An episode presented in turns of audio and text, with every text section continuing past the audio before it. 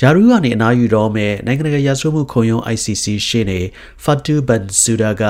အမေရိကန်တို့သူ့အပေါ်တန်ခတ်အရေးယူပိတ်ဆို့မှုတွေပြုလုပ်ထားတဲ့အပေါ်ဖြစ်တင်ဝေဖန်လိုက်ပါတယ်။ရှင်းနေမှာယာရူကမစွန့်ခွာခင်တနင်္လာနေ့က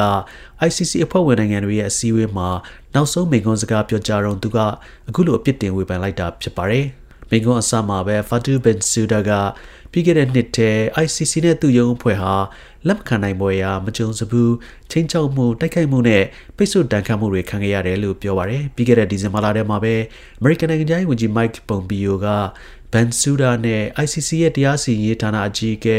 ဖာကီဆိုမိုချိုချိုကူရုရဲ့ပိုင်ဆိုင်မှုတွေကိုထိန်းချုပ်ကြောင်းကြေညာထားခဲ့တာပါအာဖဂန်နစ္စတန်နိုင်ငံကအမေရိကန်တပ်ဖွဲ့ဝင်တွေထောက်လိုင်းတပ်ဖွဲ့ဝင်တွေနဲ့မဟာမိတ်နိုင်ငံကတပ်ဖွဲ့ဝင်တွေစစ်ရာဇဝတ်မှုကျူးလွန်မှုရှိမရှိစစ်ဆေးနေတဲ့ ICC တာဝန်ရှိသူတွေနဲ့ဘန်စီဒါတို့ကိုလည်းအမေရိကန်ကိုလာရောက်ခွင့်ကိုပိတ်ပင်ခဲ့ပါတယ် ဒီလိုတန်ခတ်အရေးယူမှုတွေဟာ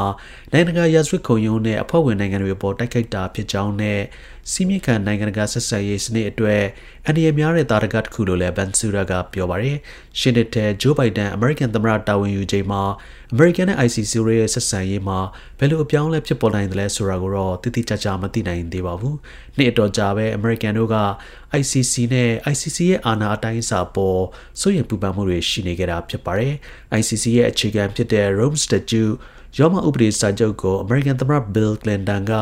2000ပြည့်နှစ်မှာလက်မှတ်ရေးထိုးခဲ့ပေမဲ့သမ္မတ George W. Bush လက်ထက်မှာတော့စာချုပ်ကနေနှုတ်ထွက်ခဲ့တာဖြစ်ပါတယ်ခင်ဗျာ